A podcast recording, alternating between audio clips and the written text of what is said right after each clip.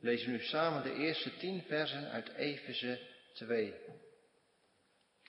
En u heeft hij mede levend gemaakt, daar gij dood waart door de misdaden en de zonden, in welke gij eertijds gewandeld hebt, naar de eeuw deze wereld, naar de overste van de macht der lucht, van de geest die nu werkt in de kinderen der ongehoorzaamheid, onder de welke ook wij allen eertijds verkeerd hebben in de begeerlijkheden onze vleeses, doende de wil des vleeses en der gedachten. En wij waren van nature kinderen des toorns, gelijk ook de anderen.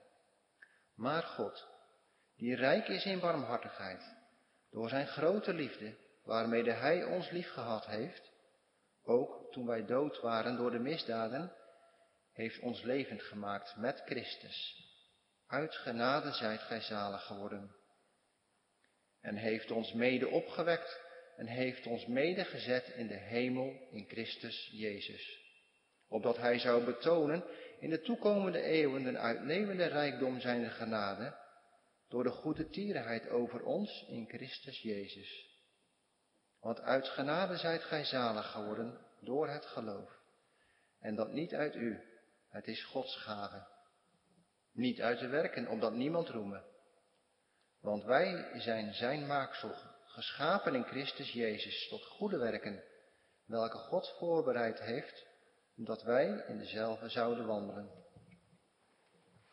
Het gebeurt, jongens en meisjes, allemaal op die ene vrijdag. Op die goede vrijdag. De dag waarop de Heer Jezus is gekruisigd op Golgotha. Het is ondertussen avond. En met heel veel liefde en zorg, je ziet het in gedachten voor je, wikkelen Jozef en Jozef van Arimathea en Nicodemus het lichaam van de gestorven Heer Jezus in grafdoeken. En ze leggen hem voorzichtig in dat graf in die rots. Ze begraven hem. En dan als laatste rollen ze de steen voor de opening van het graf. En dan lijkt alles voorbij. Er was een strijd gevoerd op leven en dood. In Gethsemane. Voor Caiaphas, voor Pilatus en vooral op Golgotha, aan het kruis. En toen, na die laatste roep van de Heer Jezus met grote kracht, toen werd het stil en toen kwam een soldaat en stak met een speer in de zij van de Heer Jezus in zijn hart. Hij is gestorven. Dat zeggen de twaalf artikelen ook. Nedergedaald ter helle, gestorven en nu begraven. En dan is het voorbij. Dat is het laatste. Tenminste, bij ons is dat zo. Zo is het gegaan met je opa of oma. Met bij vader en moeder. Met je kind, je kleine kindje, je kleinkind. Met liefde en zorg hebben we ze begraven. En we zeggen en we denken, dat was het laatste wat we voor ze konden doen. De strijd is gestreden. En jongens en meisjes, je begrijpt hoe de discipelen zich gevoeld hebben. Het lijkt verloren. De Heer Jezus is gestorven en nu ook begraven. En zo gaat de Sabbat, zo gaat de zaterdag voorbij. Tot die vroege zondagmorgen. Ineens is er een geweldige aardbeving. De aarde kreunt en beeft en scheurt. En de hemel gaat open. En een engel uit de hemel daalt neer.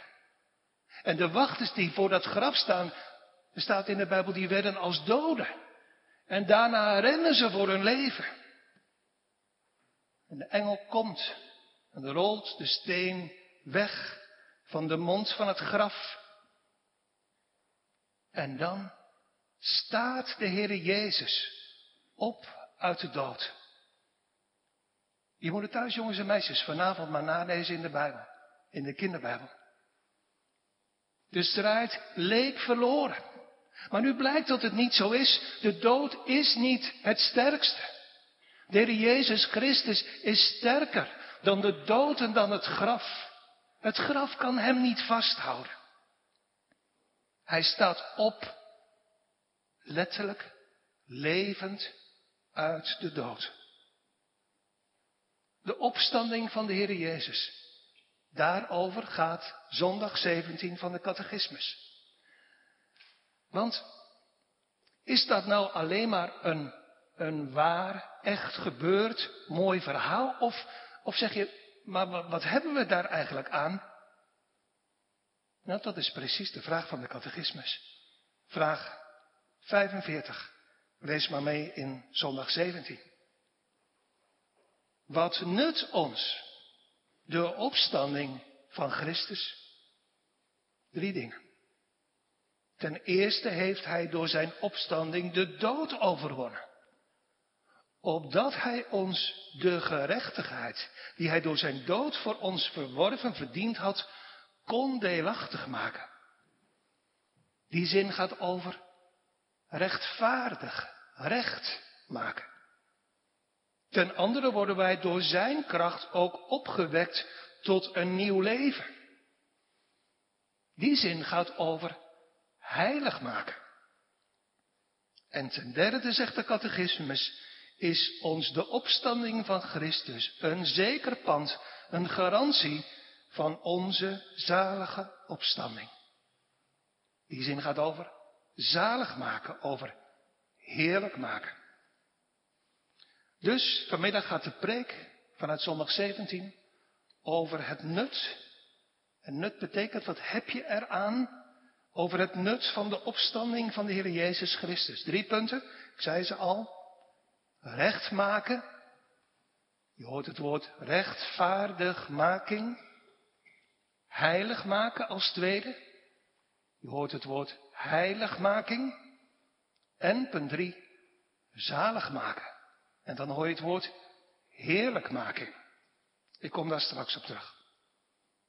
Eerst het eerste. Recht maken. Want de catechismus zegt, ten eerste heeft hij, de Heer Jezus, door zijn opstanding, zo begint het, de dood overwonnen. En dat, jongens en meisjes, is heel bijzonder. Want de dood is sterk. Echt heel erg sterk.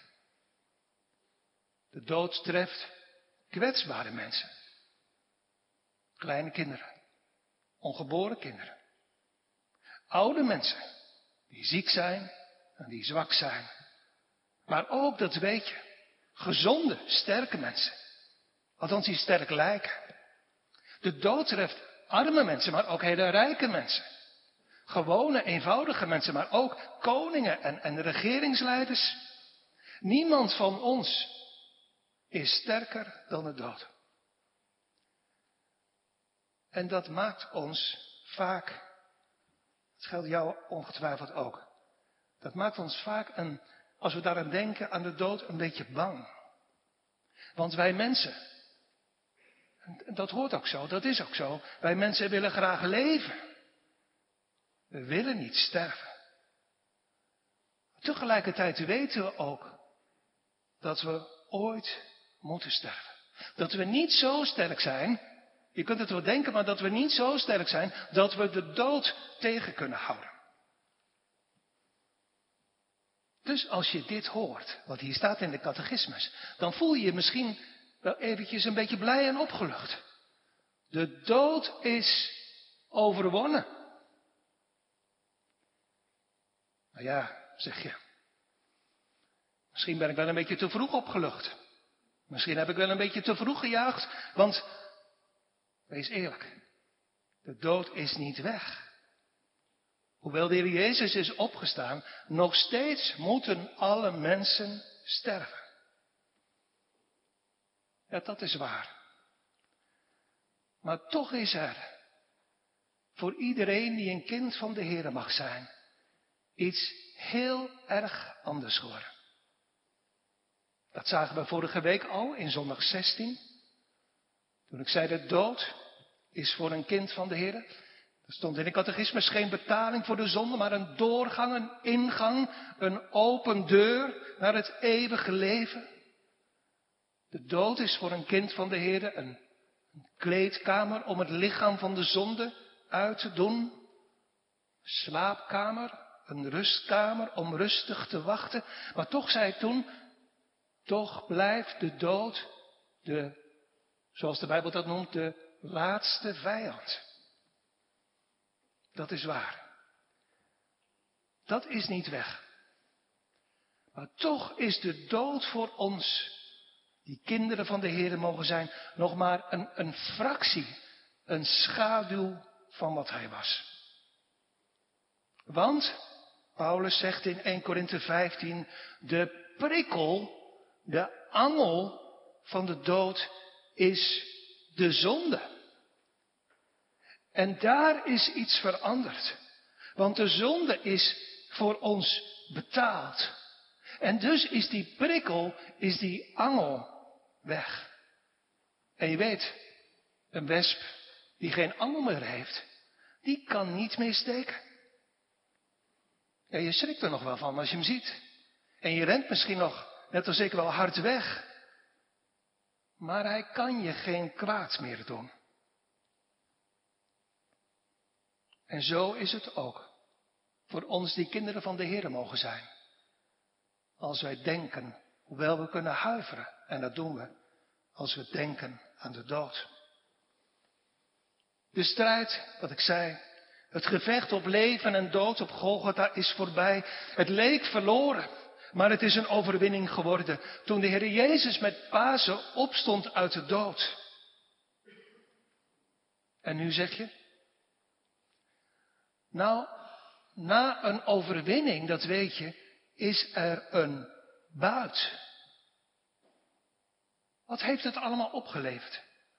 Al die strijd van de Heer Jezus. Dat dragen van de ondraaglijke last van de toren van God. Zijn sterven. Dat voelen van de helse pijn in zijn binnenste. Die opstanding, die overwinning over de dood. Wat, wat is de buit van die overwinning? Wat is het nut? Zegt de catechismus. Nou, dit, luister goed. Dat Hij, de Heer Jezus, ons de gerechtigheid die Hij door zijn dood voor ons verworven had, verdiend had, kan deelachtig maken. Nou zegt de catechismus dus, die strijd van de Heer Jezus, die heeft echt heel veel opgeleverd. En de buit van de overwinning is echt heel erg groot. Twee dingen. Het eerste is, de Jezus heeft iets verworven. Dat is een ouderwets woord voor verdiend. En wat heeft hij verdiend? Gerechtigheid. Daar moet je jongens en meisjes even met mij over nadenken. Over dat moeilijke woord gerechtigheid. Dat was wat wij mensen vroeger in het paradijs, toen er nog geen zonde was, hadden. Adam, zo zegt de Bijbel, had gerechtigheid voor God. Dat wil zeggen, het was goed in zijn hart voor de Heer. Hij kon de Heer, zeg maar, recht in de ogen kijken. Want er was geen zonde, er was geen kwaad, het was alleen maar goed, er was alleen maar vrede. Gerechtigheid, je hoort, daar zit het woordje recht in. Alles is recht. Er zit niets tussen. Je kan de Heer recht in de ogen kijken. Ja, zo was het bij Adam in het paradijs. Maar Adam werd ongehoorzaam. Niet recht dus. Hij at van de boom waarvan de Heer had gezegd, daar mag je Adam niet van eten. En zo op die manier is hij zijn gerechtigheid, nu is het niet meer recht, zo is hij zijn gerechtigheid en de vrede met God kwijtgeraakt. En we weten van de vorige zondagen. Er was maar één manier, volgens de wil van de Heer, om die gerechtigheid weer terug te verdienen. als de zoon van God mens zou worden en de prijs zou betalen die nodig was. Welke prijs? Gehoorzaamheid. Echte gehoorzaamheid aan de wet van God. Betaling van de straf en het dragen van de vloek. En, en daar gaat het hier over, dat is nu gebeurd. Die prijs, die rekening is nu door de Heer Jezus betaald. Hij kreeg, de Heer Jezus, zo zou je kunnen zeggen, de rekening van zijn vader toen hij geboren werd in Bethlehem. De rekening waarop stond, betaal, mijn zoon, dat wat uw volk, uw kinderen, aan mij verschuldigd zijn.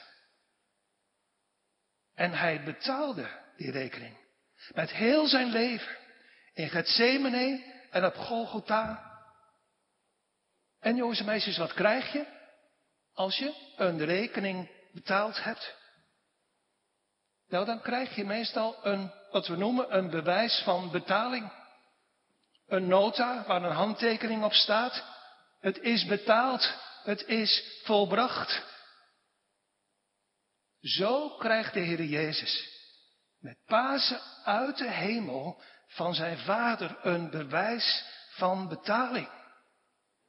Een engel, door de vader naar de aarde gestuurd, die het graf opendoet. En als het ware zegt, het is goed. Alles is helemaal betaald. Wat u deed en wat u leed, is genoeg. De schuld is uit Gods boek gedaan. Alles is weer goed gemaakt.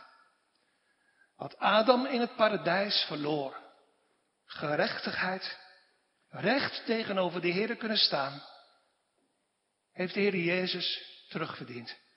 Hij heeft, zo noemt de catechismus dat, gerechtigheid verworven, gerechtigheid verdiend door alles wat hij leed en deed.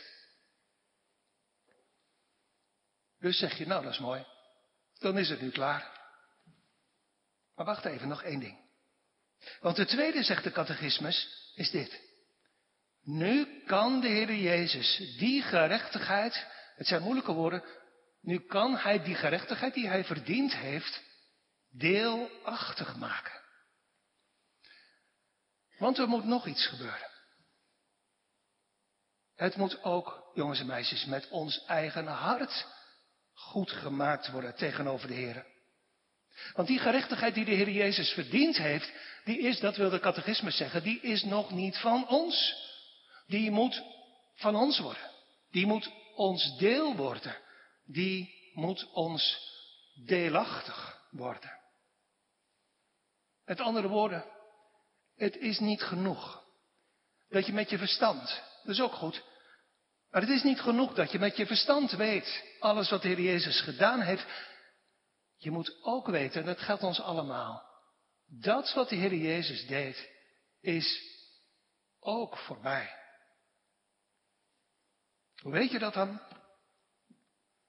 Kan je er gewoon iets van, van pakken, van nemen? Kan je daar gewoon voor, voor kiezen? Nou, de catechismus zegt het anders. Die zegt, het wordt je deel gemaakt. We zouden zeggen, je krijgt het. Dat doe je niet zelf. Je krijgt het van, van de Heer. Het is Gods werk. Je kunt het vergelijken, jongens en meisjes, met, met een wandelaar in de woestijn, hier heel ver vandaan. Je weet, het is erg heet in de woestijn. En hij heeft heel ver gewandeld, hij heeft heel erg dorst. En uiteindelijk vindt hij een put. En hij kijkt over de rand en ziet beneden in de put water. Maar ja, die put is zo diep. Hij, hij kan zelf dat water daar niet uitkrijgen. Iemand moet hem dat water geven. Je zou kunnen zeggen, hij moet het krijgen. Het woorden van de catechismus, het moet toegepast worden. Dus het gaat hier, jongens en meisjes, fijn dat je zo goed luistert, om twee moeilijke woorden.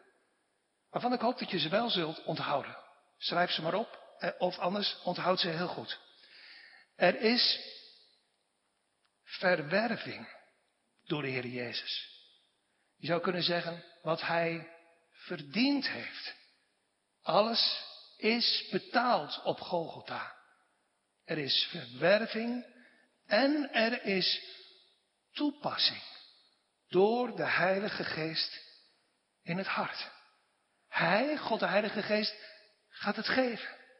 Hij geeft, zegt de catechismus, deel aan. Hij maakt het deelachtig. Hij past het toe.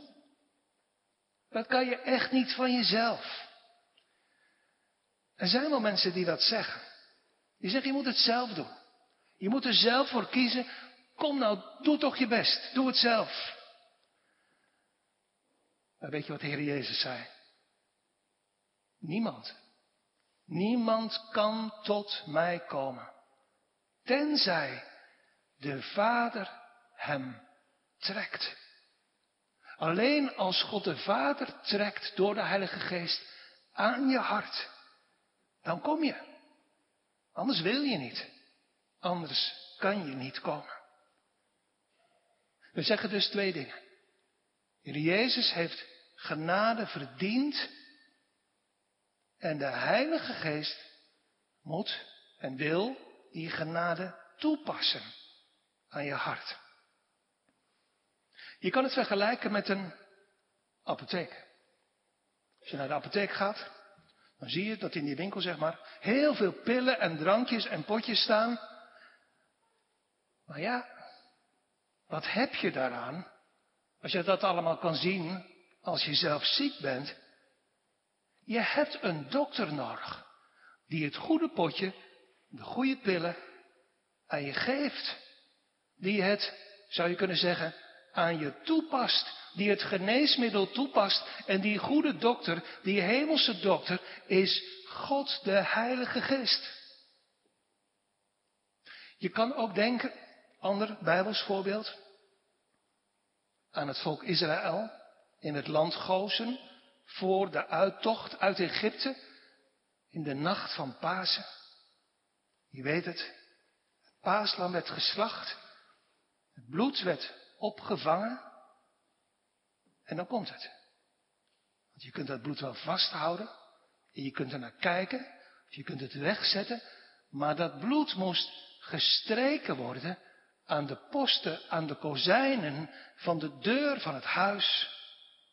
Zo moet het bloed van de Heer Jezus Christus gestreken worden aan de posten van ons hart. Het moet aan ons hart toegepast worden. En het is de Heilige Geest die dat doet. Die de verdiensten, die de gerechtigheid van de Heer Jezus Christus aan het hart toepast en zo vrede geeft met God. De Heilige Geest die deelt de genade, zegt de Bijbel, uit. Denk maar aan Psalm 68. U hebt gaven genomen om uit te delen. En je voelt hoe rijk en hoe gul dat is onder mensen, ja ook aan de wederhorigen. Mensen die echt niet meewerken. Om bij u te wonen, o Heere God. Heilige Geest deelt uit wat de Heer Jezus heeft verdiend. En geeft geloof aan de een meer, aan de ander minder.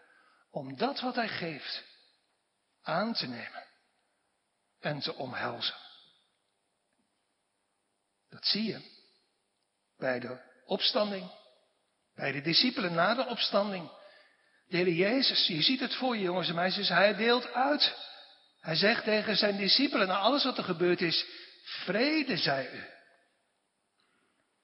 Maar zij kunnen en, en durven, dat kan je ook begrijpen. Na alles wat ze gedaan hebben, ze durven niet te geloven. Maar als hij een ogen opent en de schriften, de Bijbel opent, dan zegt zelfs die twijfelende Thomas, mijn Heer bent u en mijn God. Wie doet dat? Wie verandert het hart van Thomas? Dat doet de Heer zelf. Hij past zijn werk toe in het hart van Thomas. Hij geeft zijn discipelen geloven en dan gaan ze geloven. Uw betaling is mijn betaling. Uw vrijspraak bij uw opstanding is mijn persoonlijke vrijspraak. Omdat de Heer Jezus alles betaald heeft, is er, zo zegt de catechismus, gerechtigheid. Het is weer goed, het is weer recht tussen God de Vader en de middelaar. En omdat Hij, de middelaar, de Heer Jezus Christus, alles betaald heeft voor Gods kinderen, is het ook weer goed, is het ook weer recht tussen God en ons hart.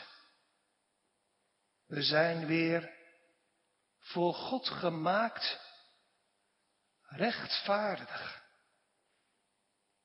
Dat betekent eigenlijk dat moeilijke woord proberen te begrijpen, jongens en, meisjes, en praat er thuis nog even over, ook met je vader en moeder. Dat betekent dat moeilijke woord rechtvaardigmaking. Dat betekent, de Heere heeft mijn schuld betaald. Mijn hemelhoge schuld. En nu is het weer goed. Nu is het weer recht tussen God en mijn zondige hart. En lieve mensen, wat is dat een grote, een enige, een unieke troost in leven en in sterven. Als je weten mag, zoek dat toch alstublieft. Als je weten mag, de Heere heeft het goed gemaakt. Tussen Hem, de Heilige God, en mijn zondige hart. Het ging in het eerste punt van de preek over recht maken. Nu gaat het als tweede over heilig maken of nieuw maken. Want zo zegt de catechismus ten andere als tweede worden ook wij door zijn kracht opgewekt tot een nieuw leven. De catechismus zegt eigenlijk, jongens en meisjes, niet alleen de Heer Jezus was gestorven, maar u, kinderen van de Heer, u was ook gestorven. En dan denk ik aan wat Paulus schrijft in Efeze 2, we hebben dat samen horen lezen. Paulus zegt daar tegen de gelovigen, de kinderen van God in de gemeente van Efeze, heel letterlijk, u was vroeger dood door de misdaden en de zonde.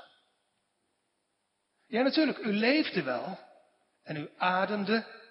En, u kon zien en, en, horen en praten en, en lopen en voelen.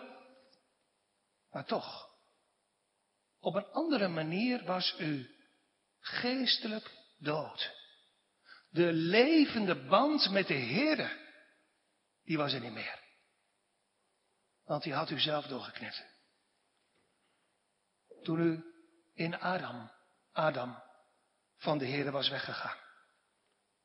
Maar zegt Paulus, toen de Heer in uw leven kwam met zijn genade, toen is er een wonder gebeurd.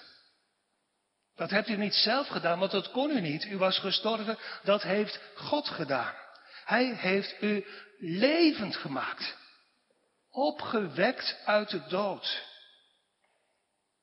Hij heeft u een levend, een geestelijk levend hart gegeven. U bent levend gemaakt, u bent opnieuw, u bent wederom geboren, opgewekt uit uw geestelijke dood. De Heer maakte als het ware weer een nieuwe, levende verbinding tussen Hem en uw hart. Ja, jongens en meisjes, dat heb je heel goed begrepen. Dat klopt. Maar als je nog goed leest in de catechismus, dan, dan staat het er net een beetje anders. Want staat er nou, wij zijn kinderen van de Heer, wij zijn vroeger in het verleden levend gemaakt. Nee, er staat, wij worden door de kracht van de Heer Jezus Christus opgewekt tot een nieuw leven. Dus dat is iets wat nu gebeurt en wat nog niet klaar is. Ik weet nog in zondag 16 vorige week ging het om de Weet je nog? Om de afsterving van de oude mens. De afsterving van dat deel van ons hart dat de zonde wil doen, dat sterft langzaam. Weet je nog? Dat wordt gekruisigd. En nu gaat deze zondag verder. Daar staat dat diezelfde mensen, van wie de oude mens gekruisigd wordt, dat zij ook opgewekt worden. Sterven en nu opgewekt uit de dood tot een nieuw leven. Het doet een beetje denken aan wat Paulus zegt in Galaten 2. Ik ben, zegt hij, met Christus gekruisigd. Mijn oude mens hangt aan het kruis. En, zegt hij, ik leef. Maar niet meer ik. Maar Christus, de Heer Jezus, leeft in mij. Hij maakt mijn leven nieuw. En daarmee is tegelijkertijd gezegd dat dat geen prestatie is van jezelf. Want kan je nou zeggen, jongens en meisjes, jongelui, vanaf het moment dat ik een nieuw hart heb, vanaf het moment dat de Heer mijn levend gemaakt heeft, doe ik zo goed mijn best en daardoor wordt alles steeds beter? En je voelt dat klopt niet. Je moet zeggen, vanaf het moment dat mijn hart door de Heere nieuw gemaakt is, vanaf dat moment wordt alles in mijn leven nieuw gemaakt. En dat voel ik aan mijn hart, want mijn hart wil niet anders. Het wil de zonde niet meer doen. En wie doet dat? Wie zorgt daarvoor? Niet ik, want anders kwam er nooit iets van terecht, maar de Heere zelf. Het is God die nieuw leven in mij wekt. Door de kracht van de Heer Jezus krijg ik kracht om voor God te leven. Zoals de Heer Jezus zelf gezegd heeft, uw vrucht, waar komt die vandaan? Heb je die zelf gemaakt? Nee, uw vrucht is uit mij gevonden. Dus, goed onthouden. Jongens en meisjes thuis en hier in de kerk.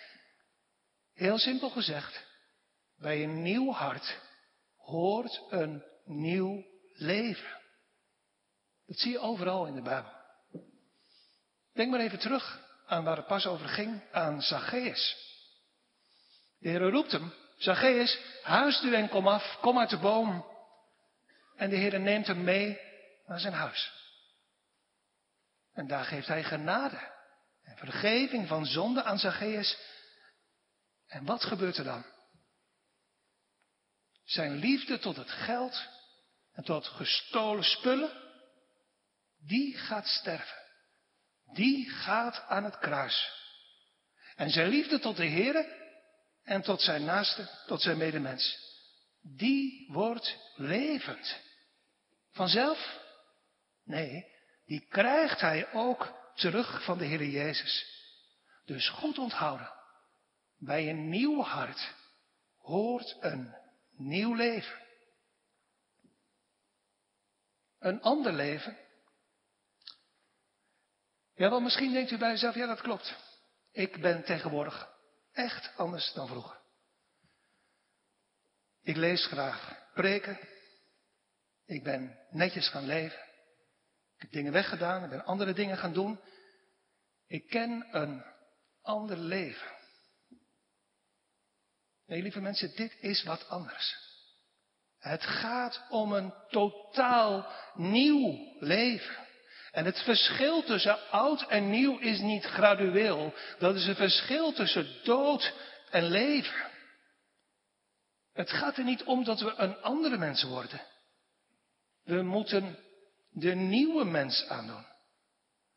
En het gaat er ook niet om wat ik moet doen om beter te worden voor God. Nee, de Heere moet me nieuw maken. En dan, en dan alleen, dan wil ik niet anders dan het gaan dan gaan in het spoor van zijn geboden. Uit liefde en uit dankbaarheid. Omdat dan, als de Heer dat werkt in mijn hart, in mijn hart, in dat nieuwe hart, een nieuwe levensadem begint te ademen. De adem van het verborgen gebed. Omdat er dan in mijn nieuwe hart een nieuwe liefde komt voor het woord van God. Omdat dit woord, hoewel ik alles mis, zoals de dichter zingt, mijn hart en zinnen strelen kan. Er komt een nieuwe liefde in mijn hart tot God. Ik kan zonder God niet meer leven. Er komt een nieuwe droefheid in mijn hart die ik tevoren nooit gekend heb. Een droefheid op God gericht, om mijn zonde. En er komt een nieuwe liefde in mijn hart tot al de geboden van God. Ik zeg met de dichter van Psalm 119, hoe lief, heren, heb ik uw wet. Ja, je zei dat misschien vroeger ook wel, maar nu is de drijfveer anders. Doe je het niet omdat het moet. Terwijl je dat diep in je hart misschien wel jammer vindt, omdat je het wel graag zou doen. Maar de liefde maakt dat je niet anders meer wil doen. Alles wordt nieuw. Zonden doen me verdriet. Mijn oog is niet meer zoals vroeger gericht op de wereld, maar gericht op God. En ik krijg nieuwe voorliefdes, nieuwe voorkeuren, nieuwe verlangens. Ja, en tegelijkertijd, misschien herkent u dat wel in uw hart, is het tegelijkertijd meer dan ooit de zucht. Heren, was dat nou altijd maar zo? Daar moet het wel naartoe in mijn leven. Dat, dat mijn hart vastkleeft, vastgeplakt zit aan u. Maar ik moet zuchten met de dichter van Psalm 119. Hoe kleeft mijn ziel, hoe zit mijn ziel vastgeplakt aan het stof van deze aarde? Want die oude mens, die wil niet wat ik wil. Die wil precies de andere kant op. Wanneer gaat het dan wel goed? Als de Heer Jezus Christus zijn werk doet in mijn hart. Als de Heer Jezus niet alleen zijn dood, maar ook zijn leven toepast aan mijn hart. En ik door zijn kracht word opgewekt tot een nieuw leven. Om het anders te zeggen, door de vereniging met Christus. Door een levende band met Hem sterft onze oude mens aan het kruis. En wordt, zo zegt Paulus in 2 Korinthe 4, onze inwendige mens vernieuwd van dag tot dag. Is dat een kwestie van passief afwachten? Nee. Dat vraagt om een biddend en afhankelijk leven. Om een leven dicht bij het woord van God. En om een leven van verborgen gebed. Bidden zoals we straks zullen zingen. O zoon, maak me toch uw beeld gelijk. Het vraagt erom dat door de genade van God de levende band in Christus ook, om zo te zeggen, onderhouden wordt. Want die band die, die verslapt. Die wordt ziek. Die wordt letterlijk doodziek. Als we willens en wetens toch als kinderen van God leven in de zonde. Daarom is er de dringende oproep van de apostel Judas. Het begint met een wonderlijke zin. Bewaar uzelf in de liefde Gods. Blijf ver van de zonde. Bewaar uzelf in de liefde van God, verwachtende de barmhartigheid van onze Heer Jezus Christus ten eeuwige leven. Daarom is er ook de indringende oproep van de apostel Petrus in 1 Petrus 2, want hiertoe zijn wij geroepen, terwijl ook Christus voor ons geleden heeft. Hij betaalde voor ons, ons een voorbeeld nalatend, opdat wij zijn voetstappen zouden navolgen die zelf onze zonden in zijn lichaam gedragen heeft op het hout, En door zijn striemen heeft hij ons genezen. Opdat wij, en dan komt het doel, de zonde afgestorven zijnde, der gerechtigheid leven zouden. Met andere woorden, als u nu als kind van God bekeerd bent, als u genezen bent letterlijk door de striemen van de zaligmaker, die leed en stierf in uw plaats, dan bent u geroepen om zijn voetstappen te volgen. En bij die uitdrukking, jongens en meisjes, moet je denken aan, aan sneeuwbuiten. Er loopt iemand voor je en je ziet de voetstappen staan in de sneeuw en jij volgt de voetstappen van degene die voor je gaat. Zo zijn we geroepen om de voetstappen van Christus te volgen in heilige wandel, in godzaligheid, in ootmoed, in zelfverloochening, in vergevingsgezindheid, in vriendelijkheid, in gastvrijheid, in barmhartigheid, in geduld, in eerlijkheid, in oprechtheid, in zuiverheid, in reinheid. Want we zijn geroepen tot een nieuwe levenswandel. Zichtbaar Christus voetstappen volgend.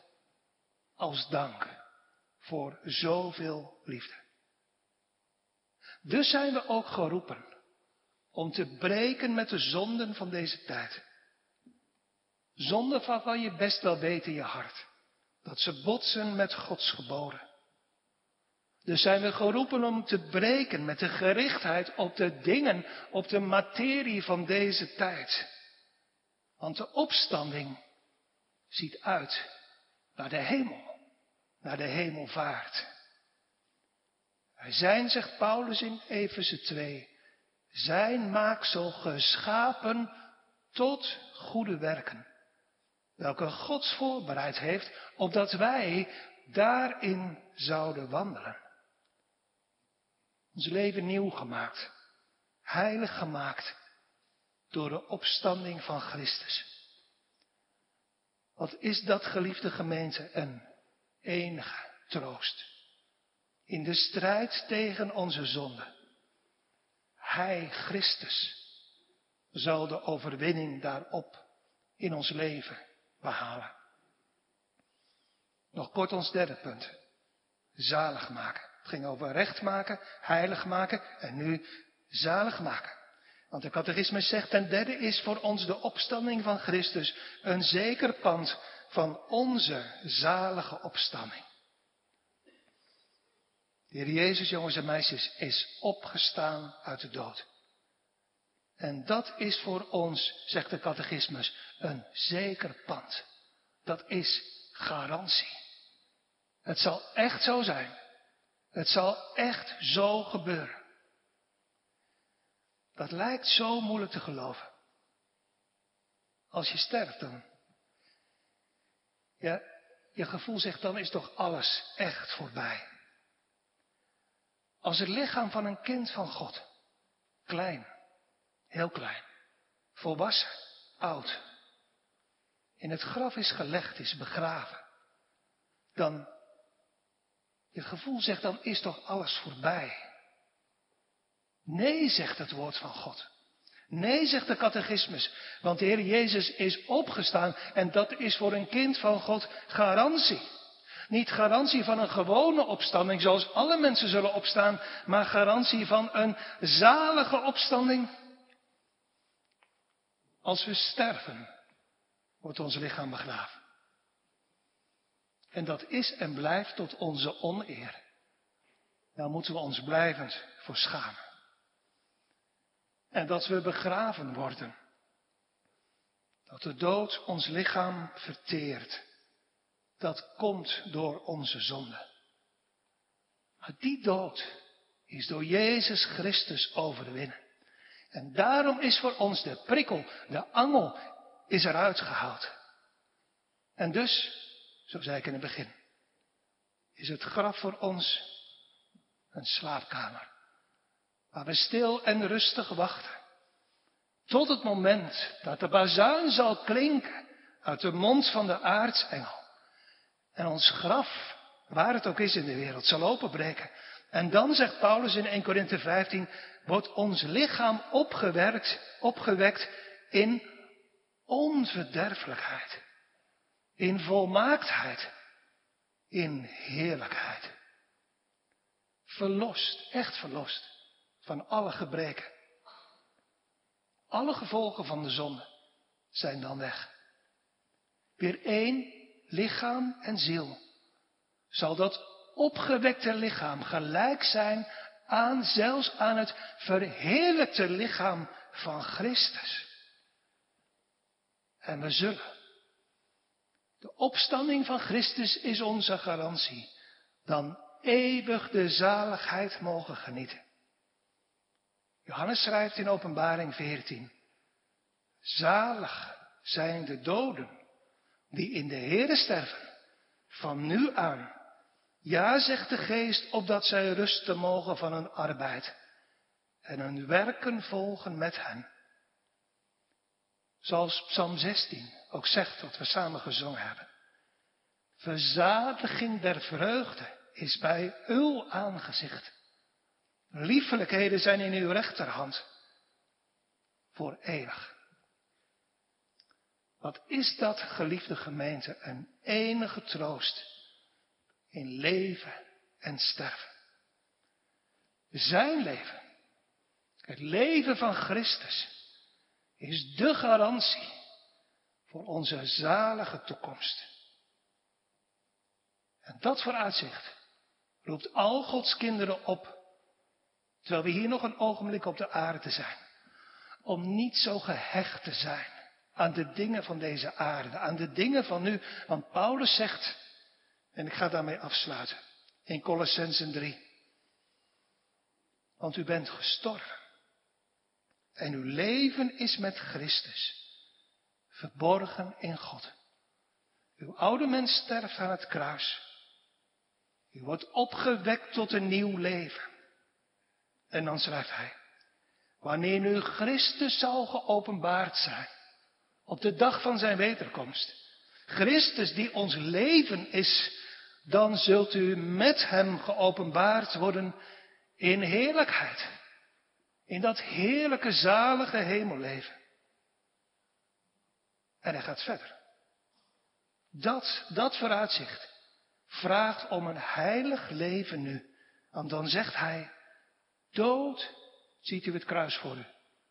Dood dan uw leden die op de aarde zijn. Namelijk hoererij, onreinigheid, schandelijke beweging, kwade begeerlijkheid en de gierigheid welke is afgodendienst. En legt gij dit alles ook af, namelijk gramschap, toornigheid, allemaal aan het kruis. Kwaadheid, lastering, vuilspreken uit uw mond, liegt niet tegen elkander, terwijl u uitgedaan hebt de oude mens met zijn werken, die gekruisigd is. En aangedaan hebt de nieuwe mens, die vernieuwd, opgewekt, die vernieuwd wordt tot kennis, naar het evenbeeld desgenen die hem geschapen heeft. En dus past ons blijvend het gebed. O zo, maak ons uw beeld gelijk. Recht, heilig en heerlijk. Amen. Laten we samen danken. O Zoon, aan de rechterhand van uw Vader, maak ons uw beeld gelijk. Laat de liefde van u, o Vader, ons blijken. En laat de gemeenschap van u, o Heilige Geest, ons troosten. In de strijd tegen de zonde. Geef dat we die niet zullen voeren in eigen kracht. Maar kracht ontvangen zullen uit u overhoogde Christus. Wilt u het goed maken, heren, in ons leven? En het vragen we voor ons allemaal. Recht met u. Wilt u al onze zonden ons vergeven om Jezus wil? Maar als u dat gedaan hebt, heren, wilt u ons dan ook heilig maken door uw genade? En leren hopen en uitzien en verlangen. Naar dat onbegrijpelijke moment dat u ons daartoe door u bereid van deze aarde zult halen en zult opnemen in uw heerlijkheid. Wij verwachten, heren, terwijl ons hart opziet tegen lijden en sterven. Maar toch, wij verwachten die dag dat u ons ontmoeten wilt met groot verlangen om voor altijd bij u te zijn. U, o drie enige God, zij alle eer. Amen.